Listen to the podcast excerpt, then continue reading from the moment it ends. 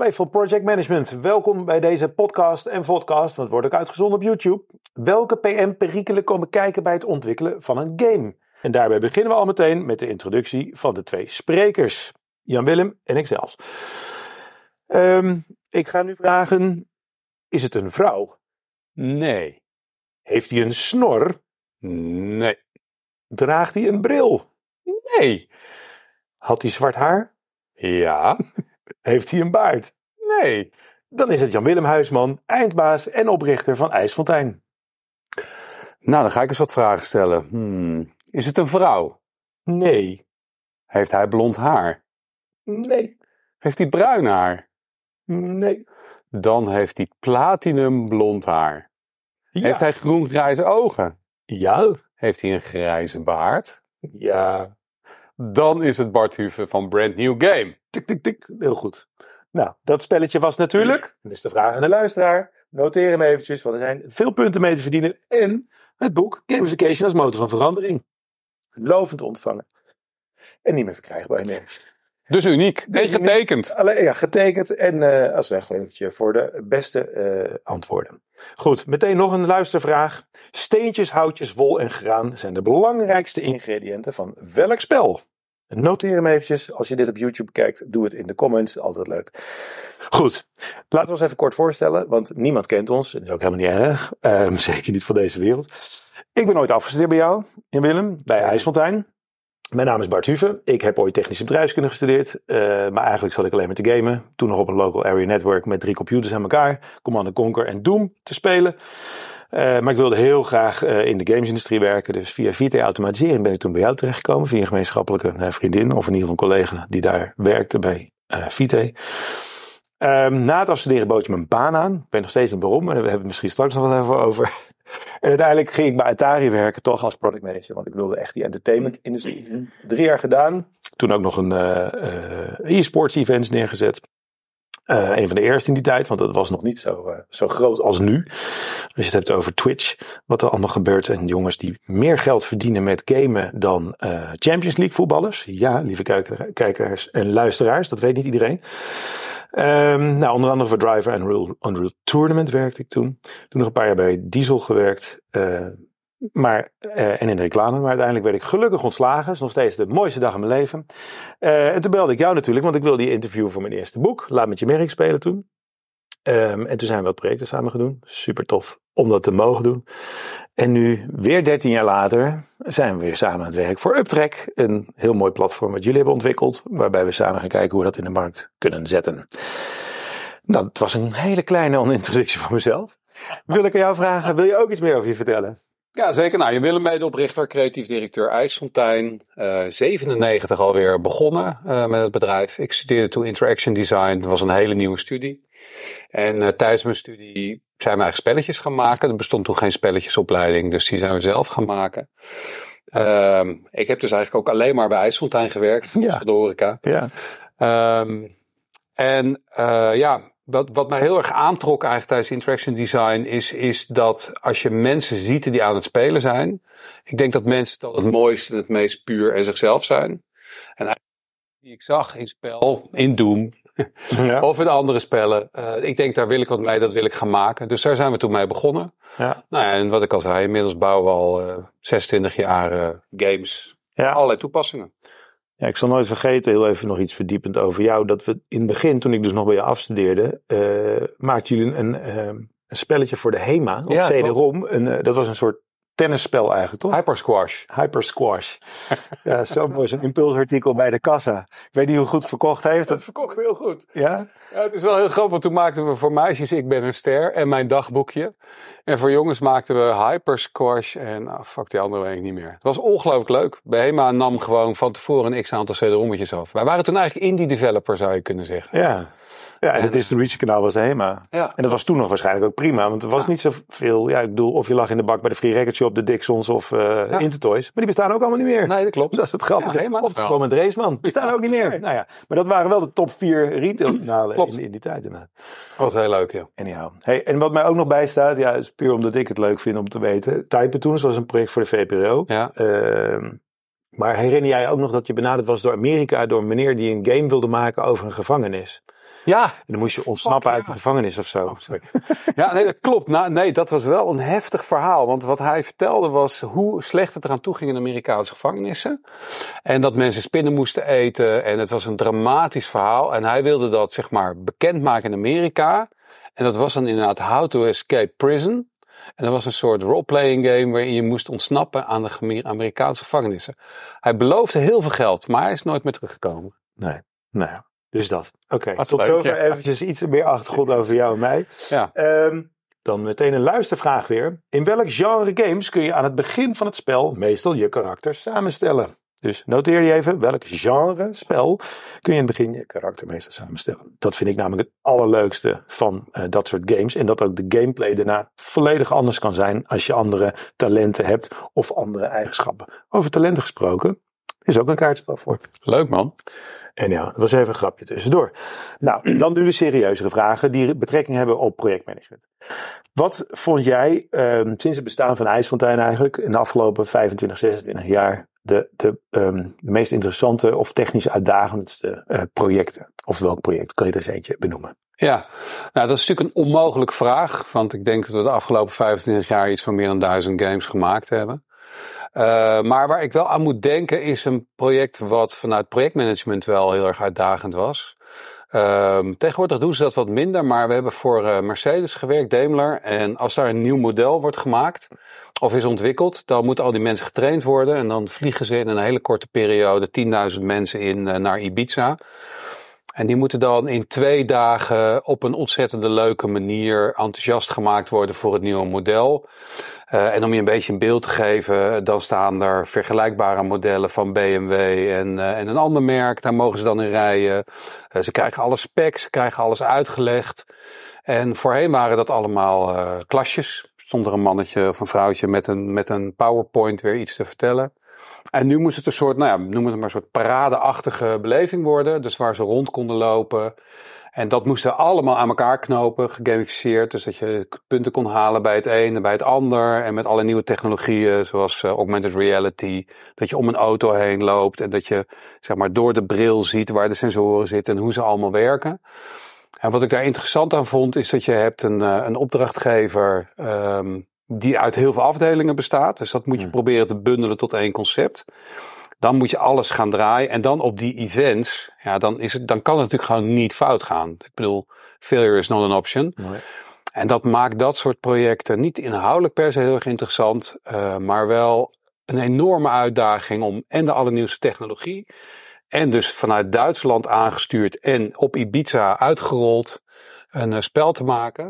Ik denk dat dat wel een van de uitdagendere uh, projecten zijn uh, die we doen. En mocht je daar ook bij zijn bij de launch? Was je, tenminste, waren jullie fysiek maar uh, met zijn IJsseltuin wel. Ja. Ja. Moest ook misschien wel om de computer aan te zetten. Ja, of ja, dat soort dingen. Als er wat misgaat. Nou, dat was mijn ervaring toen ik bij Atari zat. Hadden wij ook twee keer per jaar zeg maar, de release van nieuwe games uit mijn hoofd. En ehm, dan kwamen de grote inkopers en dan stonden die 12 gamepods of eh 18 PC's klaar. En die hadden we net een half uurtje ervoor aangezet dat ze het allemaal deden. Maar zodra ze binnenkwamen, kregen we een blue screen links of een black screen daar. En in één keer een fatal error hier. Was dat in dit geval bij jullie niet zo of wel? Want het is een beetje Murphy's Law dat het altijd uitgaat. Nee, dat klopt. Nou, kijk, dat moet je gewoon A, heel goed voorbereiden. En je moet zorgen dat je voor alles een backup hebt. Kijk, en het voordeel van, van Daimler, eh, toen zeker nog, een paar jaar geleden, is dat dat geld is daar dan op dat moment niet echt per se een, een issue. Dus je zorgt er gewoon voor dat je voor alles wat er draait een tweede machine hebt staan. Dat als het fout gaat, dat je niet hoeft te gaan klooien op een machine, maar dat je gewoon klik overgaat en op naar de volgende. Ja. Ehm maar de- ja, god, dat Dus- wel een fallback. ja, dat is wel eigenlijk dat is wel verstandig bij dit soort dingen. Ja, technisch gezien. Ja. Hey, en budget dan, want je zegt ja, het was geen probleem, want het was voor budget. Ik kan me voorstellen dat je niet alles mag vertellen erover. Maar mijn frustratie was nog wel eens bij projecten dat je dan, nou, zeker in de begintijd, had ik een relatief klein budget. Zeg even 50k om iets te bouwen, 50.000 euro. En ehm, dan was het gereleased. En hadden ze daarna in één keer nog 30.000 euro om een filmpje te maken van de game. En eh, Ja. om mensen intern te enthousiasmeren. Terwijl, dan dacht ik altijd, ja, maar als je mij nou 80.000 euro had gegeven, dan had ik dus echt iets heel aardigs kunnen maken. In die tijd nog. Inmiddels ook niet meer. Maar hè, ehm, was dat hier ook dat je denkt, nou ja, eh 10.000 mensen die vliegen, had mij dat budget gegeven. Of nou, het moest natuurlijk fysiek. Maar toch. Nou, dit is dan typisch een project waar ik dat iets minder had. Eh, Ik heb nooit het gevoel gehad dat we hier een uh, gebrek aan budget hadden. Hmm. Kijk, het is ook wel een ontwikkeling, denk ik. Ik denk, nou ja, toen ik begon in uh, 97 en jij jouw projecten deed ook, hè, begin deze eeuw. Ja. Uh, toen hadden mensen ook werkelijk geen idee wat ze vroegen. Nee. Dus uh, en ik denk dat dat wel een professionaliseringsslag is in onze markt. Dat mensen wel begrijpen waar een serious game over gaat. Een gevoel hebben bij complexiteit. Kijk, het helpt natuurlijk ook dat de entertainment games die op dit moment op de markt gebracht worden, honderden miljoenen Ja. uh, dollars kosten.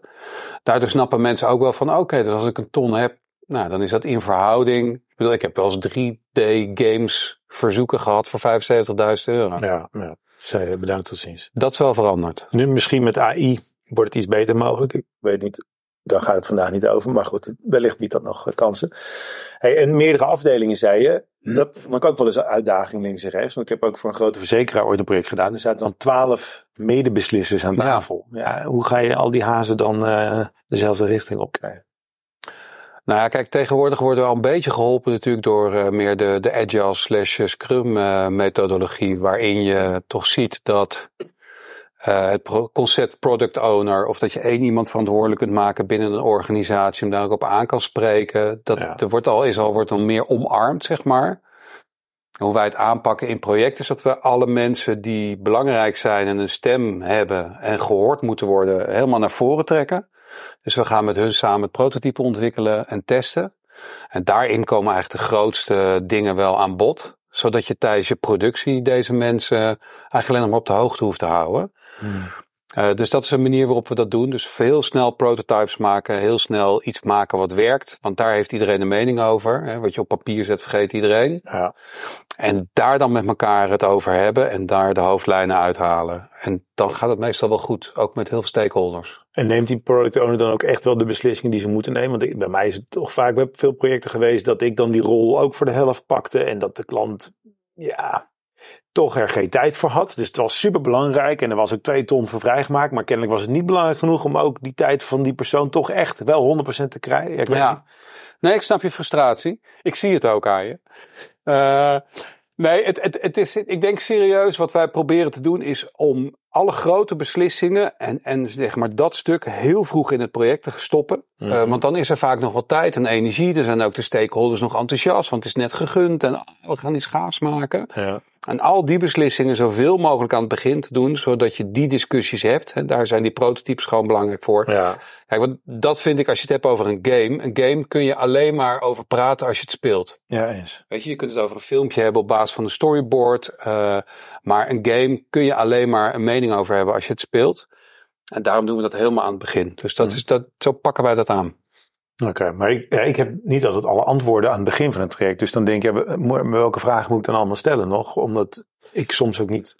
Nou, je moet heel goed formuleren wat, welk gedrag je wil zien. Hè. Nogmaals, ook dat gaat ook wel over games. Games. Een game is alleen maar relevant als je speelt. Dus je kunt er niet naar kijken, je kunt er niet naar luisteren, je moet wat doen. En, en, en in het doen zit ook het leren. Dus wat ben ik aan het doen? Wat leer ik terwijl ik iets aan het doen ben? En dat doen, dat moet je zo snel mogelijk speelbaar maken. Ja. En dan kun je ook een discussie voeren van, oké, okay, ik zie hier dit gebeuren. Is dit ongeveer wat je wil? Is dit, is dit gedrag wat je wil zien? Ja. En als dat antwoord daarop ja is, dan is alles wat je daarna doet, is gewoon productie. En dan kun je altijd terugverwijzen naar dat begin. Ja. Dus daarmee controleer je dat toch wel goed. Ja, nou, en dan loop ik er nog wel eens tegenaan dat klanten zeggen, ja, nu moeten we misschien nog twee keer itereren, maar ja, dan is ons budget op. En ja, we wilden eigenlijk wel daar komen. Ja. En uh, daar zijn we dan dus niet, Ja. want we hebben nog steeds maar een prototype. Ja, dat snap ik. Ja, da, da, daar, daar, daar hebben we inmiddels ook een oplossing voor. Ja? Ja, ja dat heb ik ook niet zelf bedacht. Ja, nee, dat heb ik ook niet zelf. Minimal viable product heet het Ja, heel ja, precies. Ja, ja. Kijk, en ik probeer altijd met mijn klant te kijken van, oké, wa- wat is nou de essentie wat je wil dat mensen leren? Hè? Dat moet in het minimal viable product zitten. Ja. Dat moet werken. Ik beloof je, garandeer je ook dat dat gaat werken. ja.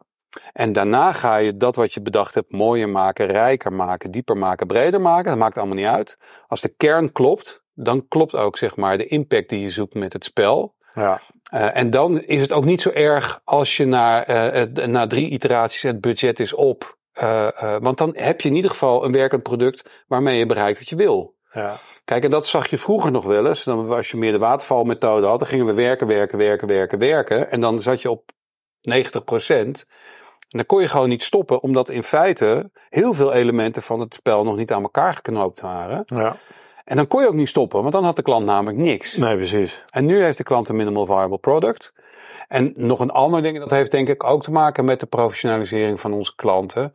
Is klanten realiseren zich ook steeds vaker dat op het moment dat het af is, begint het pas. Mhm, ja. dus hè, je hebt het net over de CD-ROM tijd. Kijk, een CD-rommetje is af. Dat ligt in de winkel, kun je niks meer aan veranderen. Ja. Je koopt hem, je speelt hem, dat was het. Ja. Met tegenwoordig natuurlijk met al die online technologie, het is nooit af. En ik merk dat steeds meer klanten realiseren, oké, dus als ik nu mijn versie 1 heb, Precies, dus dan gaan we het uitrollen, dan gaan we naar een tweede release, derde release. En ik merk dat steeds meer klanten daar ook budget voor hebben gereserveerd. Ja. ja, en je moet denk ik dus duidelijk maken dat een prototype echt ook totaal iets anders is dan een MVP. Een prototype is echt allereerst een lelijke verschijningsvorm, Ja. maar het werkt wel. Maar het Ja. is een technisch werkend iets. En dan kun je ook al drie variaties hebben van je prototype, maar je werkt richting een MVP. En misschien nog ook voor de luisteraars en de kijkers die wat jonger zijn. Google even CD-ROM als je niet weet wat het is. Het heel mooi blinkend schijfje. Oh, oh, even een oude mannengrapje. Nou, oké. Leuk. Ehm, nou, dank voor dit eerste eh, verdieping over het project. Over dit eerste project, sorry. Mooie zin. Bedankt voor deze eerste verdieping. Ehm, over projectmanagement gesproken. Aan de luisteraars de vraag: welk genre games is volgens jullie het meest vergelijkbaar met projectmanagement? Er zijn best wel veel games waarin eh, nou ja, projectmanagement zit. Is dat A, een adventure game wat jullie betreft? B, een real-time strategy game? C, een role-playing game? Of D, een shooter?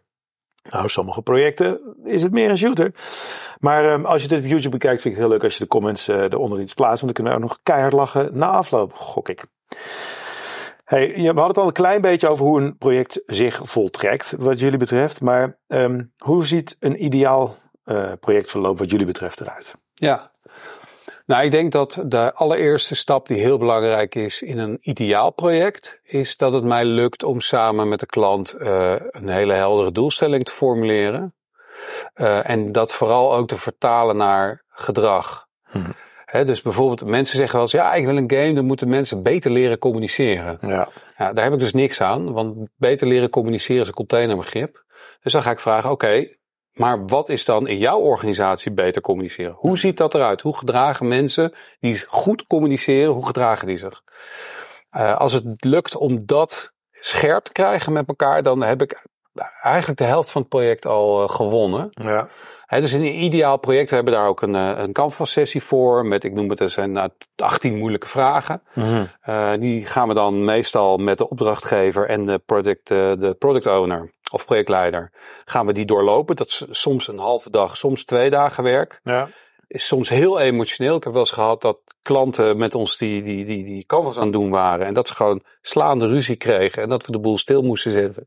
Dat ze eerst een stukje met elkaar moesten lopen. ja, Nou, dan zie je dus hoe belangrijk dat is. Want Ja. als deze mensen dat project waren gaan doen en dit was niet gebeurd, dan was het op drie kwart gebeurd. ja, Hadden we allemaal enorm veel gedonder gehad. ja, Dus we beginnen met een heldere canvas sessie. Oké, wat wil je bereiken? Welk gedrag wil je zien? Wat is de context waarin we het gaan gebruiken? Ideaal projecten. Dat hebben we helemaal helder. Ja.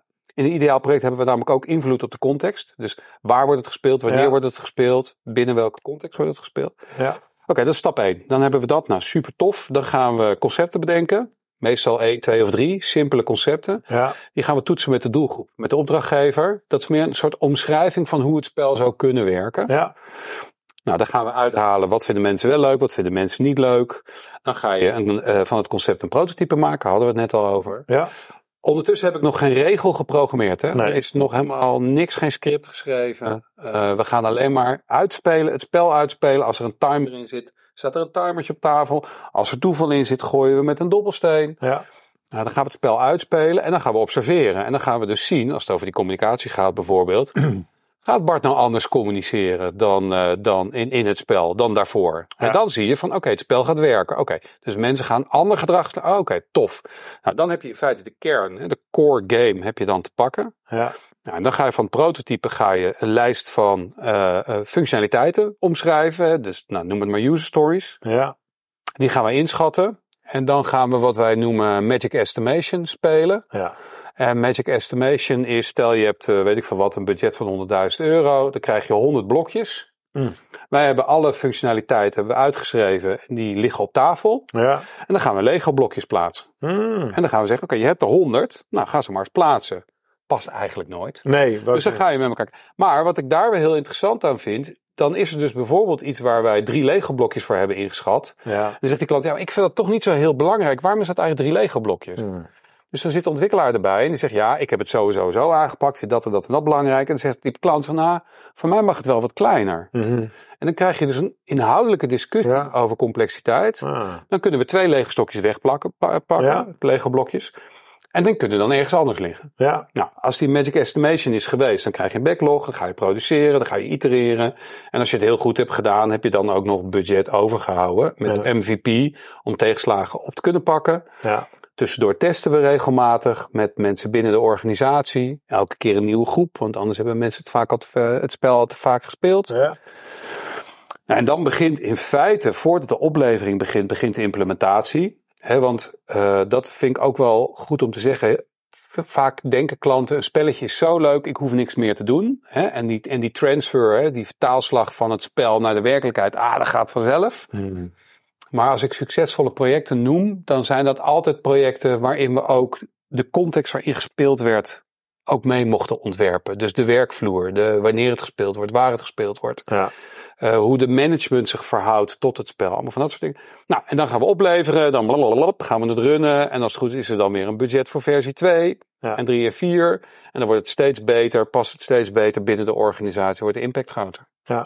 En we lachen, want dat- ik heb nog nooit gehoord van een Magic Estimate, behalve, tenminste, ik moest meteen denken aan Scrum Poker. Ik denk, want dat kan ook. Dat, hè, Ja, dat je ja Scrum elkaar- Poker zit ervoor eigenlijk. Hè? Want Scrum Ah. Poker doe je met de ontwikkelaars en de ontwerpers. Om te kijken hoeveel tijd denk je dat het kost. Ja, En Magic Estimation, dan is echt de klant aan, aan, zit aan het stuur. Hmm. Die heeft gewoon zijn Lego blokjes. En die gaat ter plekke gewoon beslissen.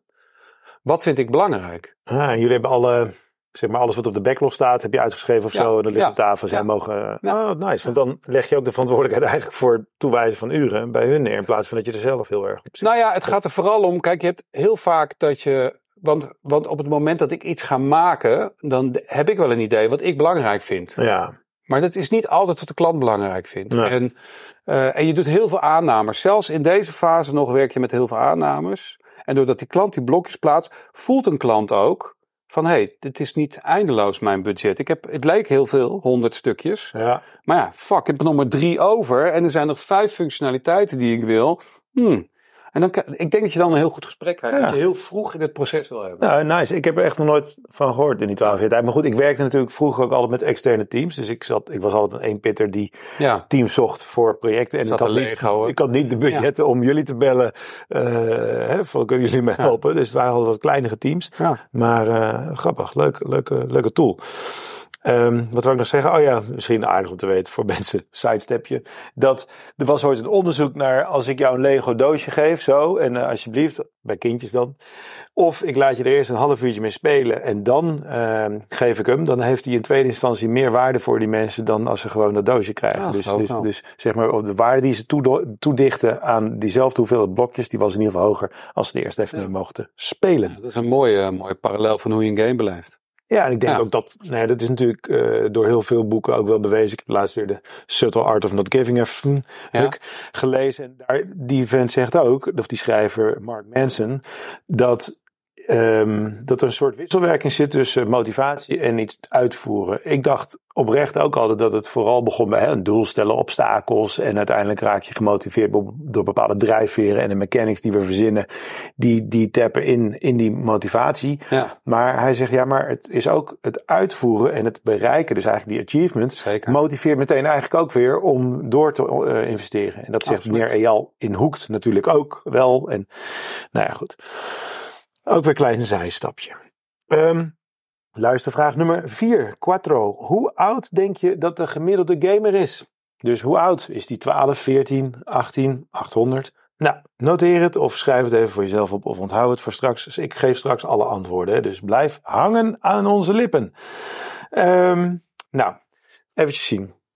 Ik had nog een paar projecten. Dus we hadden net het ideale scenario. Hè, van eh, eh, wat is het ideale eh, project of proces eigenlijk binnen Ja. projecten. Ehm, misschien nog een leuke vraag over wat is het lastigste project geweest. Of het moeilijkste en waarom. Ja, nou dat is ook al een leuke vraag. Ehm, Ja, er is wel een, een, spel waar ik aan zit te denken wat we hebben gemaakt. Dat heet de ABCDE game. game. Dat is een spel voor mensen op de eerste hulp, dus emergency rooms. Die moeten protocol volgen. Mhm. En toen we de pitch gewonnen hadden, toen hadden we eigenlijk een heel leuk idee bedacht van ja, want het gaat eigenlijk alleen maar over het oefenen van die stapjes. A, B, C, D. wat is het ook weer? Airway, breathing, cardio, weet ik niet. Mhm. En uh, dus hadden een leuk concept bedacht, gepitcht. En toen hadden we dat eerste prototype gemaakt. En dat gingen we testen bij de doelgroep. En die vonden het echt gewoon verschrikkelijk. Mhm. Want die voelden zich helemaal niet serieus genomen. Die hadden echt zoiets wat is dit nou voor een stom spelletje en, en ABCDE. Uh, en toen hebben wij uh, besloten om een ander spel te gaan maken. Een simulatiegame te maken. Um, en dus serieuzer dan daarvoor? Of serieuzer dan daarvoor? Nou kijk, die andere was eigenlijk meer van, goh, welke stapjes zitten erin en moet je de stapjes spelen? Het was Ja. een soort casual-achtig spel. Ja. Uh, en dit was, werd dus ineens een serieuze simulatie. Um, ja, en dan stap je in de medische wereld. Ja. En dan wordt het, dan wordt het voor het echi. Uh, want eerst dachten we dat we een, uh, een simulatie... Want dan ga je dus een simulatie van het menselijk lichaam maken. Waar studenten mee gaan experimenteren. Want dat is de essentie van spelen, is dat je kunt experimenteren. Ja, ja. En de essentie van experimenteren is dat je dingen gaat doen die eigenlijk niet mogen. Ja. Want anders is het geen experimenteren. Ja. Maar omdat het een medische game is, moet de output die eruit komt, moet wel kloppen. Ja. Dus je kunt daar niet een beetje mee klooien. Nee. Maar omdat het dingen zijn die mensen nog nooit gedaan hebben, omdat je patiënt namelijk doodgaat als je het doet, Precies. is er eigenlijk ook bijna geen medische informatie beschikbaar over Wat er gebeurt wat er gebeurt. als je iemand choke. Dus, dus dat begon met een vrij simpel spel en dat werd ineens een simulatie. En voor ik het weet zat ik een medische simulatie, eh, eh, ik zat hem niet te programmeren, maar een van Mhm. onze jongens zat hem te programmeren. Ja. En voor het weet ben je dus gewoon een, een, nou ja, een medische simulatie in de vorm van een game aan het maken.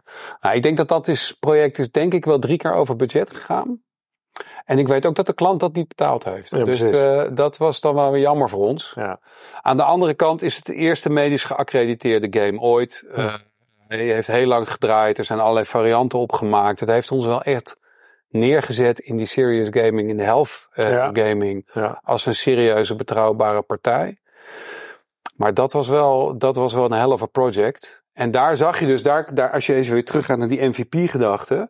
De MVP was een medische simulatie die moest kloppen. Weet Ja, je, daar ja, zat precies. niet een halve versie in. Nee. Van oké, nou dan, dan, dan gokken we hier wel een beetje wat er gebeurt met die patiënt. Bestaat niet. Nee. Uh, dus dat was, wel, dat was wel echt een pittig project. En, en wat er heel pittig aan was natuurlijk, is dat die klant had ook gewoon niet meer geld. Dus die hadden gewoon een subsidie gekregen. Dit was het. En dat, ik, nou, ja, dat, was wel, dat heeft mij wel wat, uh, wat, wat moeilijke nachten bezorgd. Ja. Uh, dus dat is wel, denk ik wel een voorbeeld. Ik weet ook niet hoe we het anders hadden moeten managen hoor. Nee, ik kan het ook niet zo bedenken. Maar het lijkt me ook wel lastig dat, dat je inderdaad, het is heel serieus. Dat heb ik wel eens gehad met een game over compliance. Dat was ook allemaal heel serieus. En er moest wel heel veel kennis in geduwd worden. Maar ik dacht ook halverwege dat traject al van ja, maar het gaat. Het zijn allemaal zulke open, open deurvragen. Dat is helemaal, er is helemaal geen ja of nee of een Nee. eh, waarheid. Dus, maar jullie proberen wel die waarheid in, in de kop te rammen van al die mensen die het helemaal niet boeit. Dus, dus dat was ook een heel lastig traject. Dat was een van mijn eerste projecten ook. Dus ook dat hielp niet mee, denk ik. Maar eh, nou ja, goed. Ik snap wel de, de pijn eh, bij zoiets als dit. Ja, Jack, oké. pijn en glorie hè. Pijn en glorie. Ja. En, ehm, ja, check. Hey, en ehm, vraag ik weer aan de luisteraars. Hoe heet de loodgieter die in een van zijn eerste verschijningsvormen een aap moest verslaan om een prinses te redden? En voor bonuspunten, hoe heette die aap en hoe heette die prinses? Een vraag aan jou, je Willem. Vind je dit soort concepten nog kunnen? Dat er een damsel in distress is en dat er een heldhaftige loodgieter met snor en baard is die te hulp schiet? Of zou het tegenwoordig ook andersom kunnen zijn? Nou ja, dat, dat- daar kun je op twee manieren naar kijken. Als je er heel open naar kijkt, is, eh, is, is, is eh, hè, als je er fluïde naar kijkt, is die, is die deemsel een vrouw of een man? En is die, is die loodgieter met een snor een vrouw of een man? Dus Ja, aan de andere kant, wat ik wel zelf vind, is dat het leven wel mooier wordt als je er met een knipoog naar kan kijken. ja, Dus, dus een beetje humor en soms zijn dingen echt over de top. Eh, het lijkt me heel ingewikkeld om een, eh, om een helemaal politiek correct spel te maken waar nog humor in zit. nou dat ben ik 100% met je eens. Ja, Maar het is een interessant dat het natuurlijk nu wel meer ter discussie staat. Maar het was ook een tijdsbeeld. Ik, ik vind ook altijd, het is mooi een historisch beeld, weet je. Het was in die tijd zo. Dus dat hoef je niet te veranderen, denk ik. Alleen dat er nu andere concepten denkbaar zijn, uh, te gek. Thank God. Um, ik moest wel lachen, ook als je dan nu terugdenkt, bijvoorbeeld, en dat is weer met direct een uh, lezers- of kijkvraag. Lezersvraag, ook niemand leest, het is een kijk. Ja, het staat in de comments, dat is lezen. Ja. Ja. Welk eerste vrouwelijke game character na Zelda veroverde menig hart op de PC dankzij Eidos Entertainment. Nu geef ik waarschijnlijk te veel weg. En is zelf vertolkt in een film door Angelina Jolie. Nou, echt elke film uh, over games flopte uh, tot nu toe ongeveer. Grappig is dat wel, dat sinds Netflix wel succesvol aan het worden zijn volgens mij. En ook die, uh, die film met Angelina Jolie, was relatief succesvol geloof ik. Maar de meeste films over games zijn uh, falikant geflopt. Ja, maar dat is ook niet zo raar.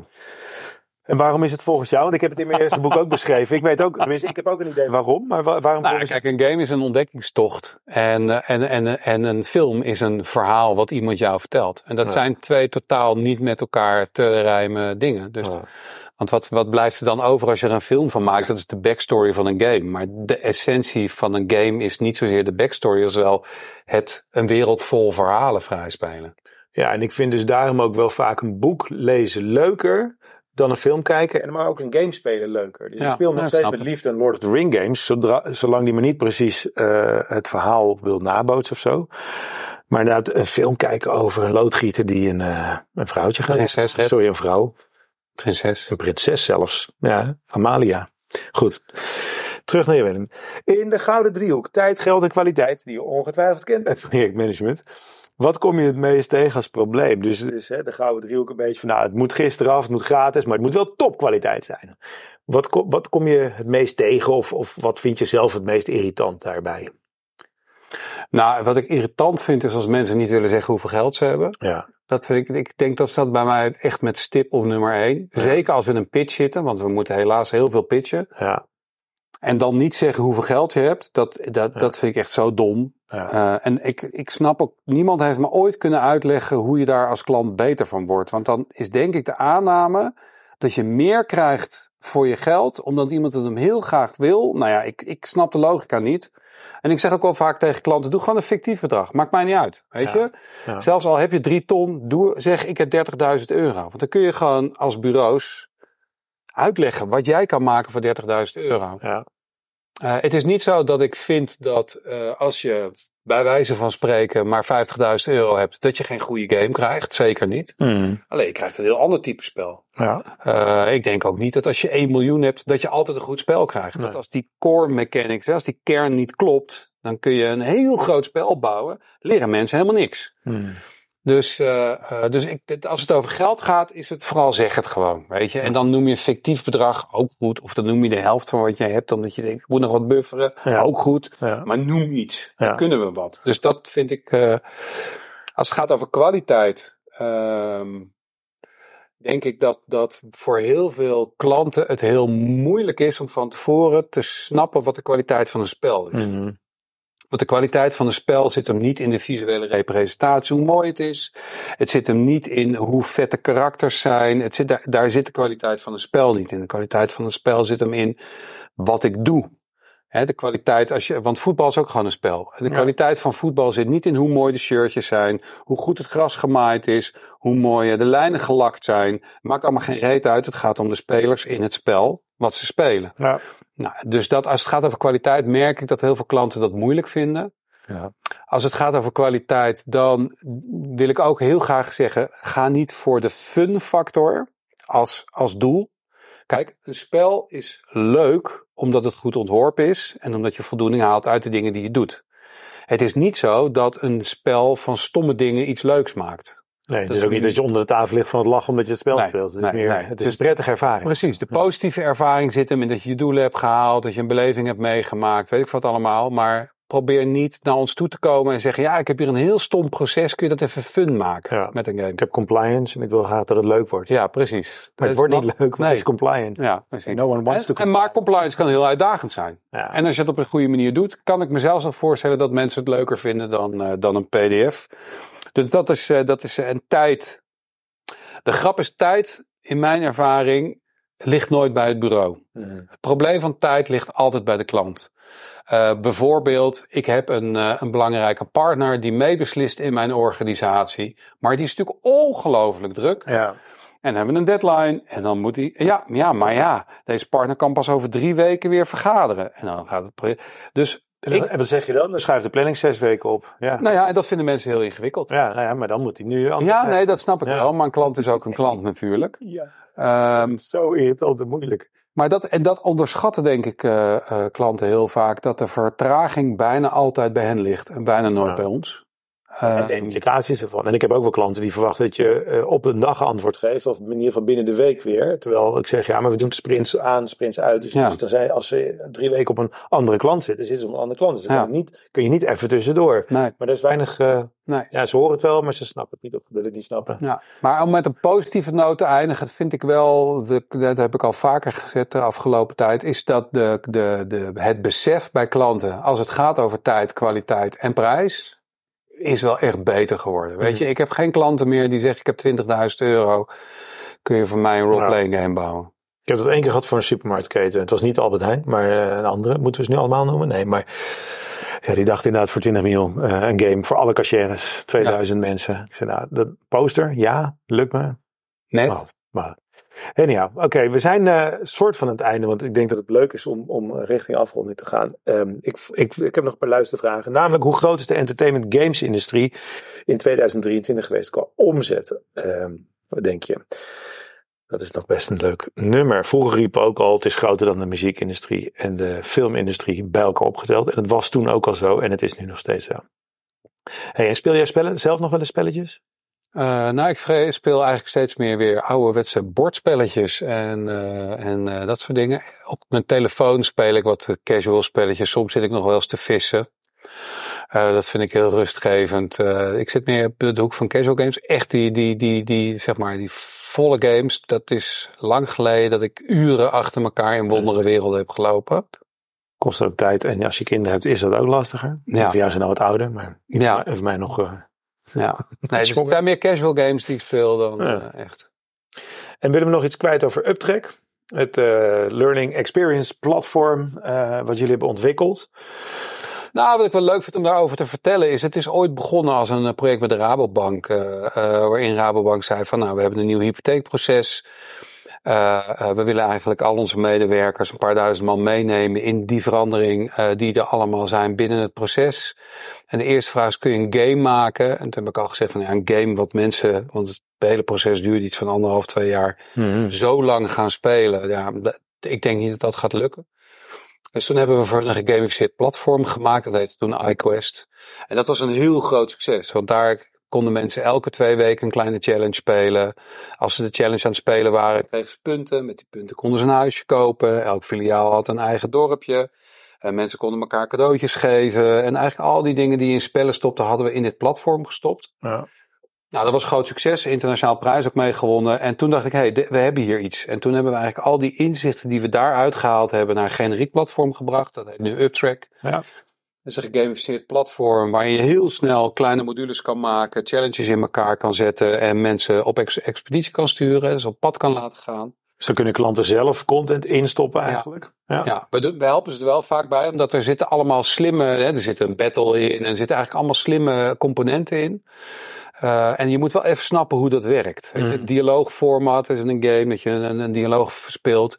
Als je niet goed snapt hoe dat werkt, is dat moeilijk om te maken. Ja, er zijn natuurlijk ook geen game designers bij, tenminste, bij veel organisaties zijn er toch learning and development manager of meer onderwijskundige ja, mensen natuurlijk. Dus, dus ja. je net even ja. een bridge te far. Nou, en wat we dus nu eigenlijk aan wat doen zijn, die hele die gamification laag zit erin, die leuke modules zitten erin. En we zijn nu een beetje aan het kijken van dat, dat, dat samen leren. Hè? Dus, dus ik geloof heel erg dat je vooral veel van elkaar moet leren op de werkvloer, samen leren. En dat zit er nu meer en meer in, waarin je samen op expeditie gaat, in, in de variabele teams.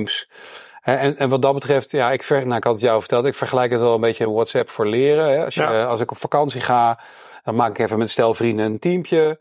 We regelen alle dingen die moeten gebeuren. Eh, hup, vakantie voorbij, ander groepje. En dat is hier eigenlijk ook zo. Mensen moeten wat leren. Je maakt heel snel een groepje. Blablabla, we hebben het allemaal geleerd en het is weer weg. Ja. En die dynamiek, denk ik, ik geloof dat daar heel veel belofte in zit. Dus voor management traineeships of onboarding. En dan misschien daarna ook doorontwikkelen. Maar dan zit je inderdaad misschien meer op je eigen, eigen afdeling. Terwijl je in het begin begin je generiek met z'n allen. Daarna is de afdeling. Of een onboarding of wat dan ook. Nou, Ja. tof. Nou, Uptrack, ga checken. eh, Google it. Ehm, dan de antwoorden op de vragen. Oké, ehm, vraag 1 was, eh, wat speelden we natuurlijk als introductiespel? Nou, dat was natuurlijk wie is het? Hè? Wie is het met al die eh, grappige kopjes en... eh, Wie is het? Moest je ze omtikken en dan verscheen uiteindelijk, het is Fred, met het baardje geloof ik. Later op televisie met, eh heette het Wie ben ik? Met Caroline Tense, André Verduin en Ron Brandsteder. Wie kent ze nog? Maar ehm, ik moest wel Die lachen. verdien nog. Ik moest, één nog, nee allemaal volgens mij nog. Maar ik moest er wel lachen omdat ik dacht, televisieformat, ze doen altijd alsof het helemaal innovatief is en vernieuwend is. Maar vaak zijn het gewoon eh, licht voortborduursels op eh, bestaande spellen. Nou, kolonisten van Catan had ik het natuurlijk over bij houtjes, wolletjes en graan. Ehm, je kunt je karakter aan het begin van een spel samenstellen in een role-playing game, zoals Fallout of Skyrim, mijn favoriete spelletjes. Eh, maar die kosten wel veel tijd.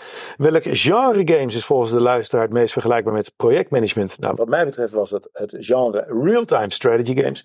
Zoals bijvoorbeeld Cossacks, een heel oud spel, maar wel, ik vind het nog steeds een van de leukste spellen. Het is een beetje zoals Kolonisten van Catan. Maar ook SimCity of Rollercoaster Tycoon. Nou, de gemiddelde gamer, dames en heren, is rond de, jawel, 45 jaar oud. Nou, ik ben al iets verder weer, maar 45 jaar is de gemiddelde gamer volgens de Hij wordt ook steeds ouder, hè? Ja, ja. goed, gewoon mee. Maar Het is niet te geloven. Maar heel veel, ja, ik weet niet of jij dat ook voor hoort van veel opdrachtgevers die zeggen: het ook games? Ja, dat is iets voor kinderen. Ja, mijn zoon heeft ook een, eh, een Nintendo. Ja, Ja. Nee, het, is- het is echt voor volwassenen, meneer. Goed, de loodgieter waarover spraken was natuurlijk Mario en zijn vriendin eh, prinses Zelda. Donkey Kong. Ik moet nog steeds lachen dat een aap de naam heeft gekregen met ezel erin, Donkey. Maar je speelt het net anders. Goed. Ehm, en de omzet in de entertainmentindustrie, eh de gamesindustrie, is 200 miljard momenteel in 2023. Ter vergelijking, de filmindustrie wordt geschat op de helft ervan, ongeveer 100 miljard. En de muziekindustrie ongeveer 20 miljard. Dus slechts 10% van. Nou, ik hoop dat dit een eh, inspirerende en leuke podcast was over projectmanagement eh, in de serious game industrie. Ehm, hartelijk dank aan de IPMA voor het mogelijk maken van deze podcast. Super tof om over onze hobby te mogen praten, want dat blijft het toch. Ik Zeker. vind de gamesindustrie nog steeds echt een eh, hele leuke industrie om te werken. En ik hoop dat ik nog lang, ook met jou samen, in deze wereld mag blijven zitten. Zeker, zeker. Ja. En mochten er nou mensen zijn die dit gezien hebben en denken, goh, projectmanagement bij een gamebedrijf, Dan kunnen ze kom IJsfontein, solliciteren. En eh, dan hebben we misschien een leuke baan voor je. ijsfontein.nl. Ja. Dankjewel. Dankjewel.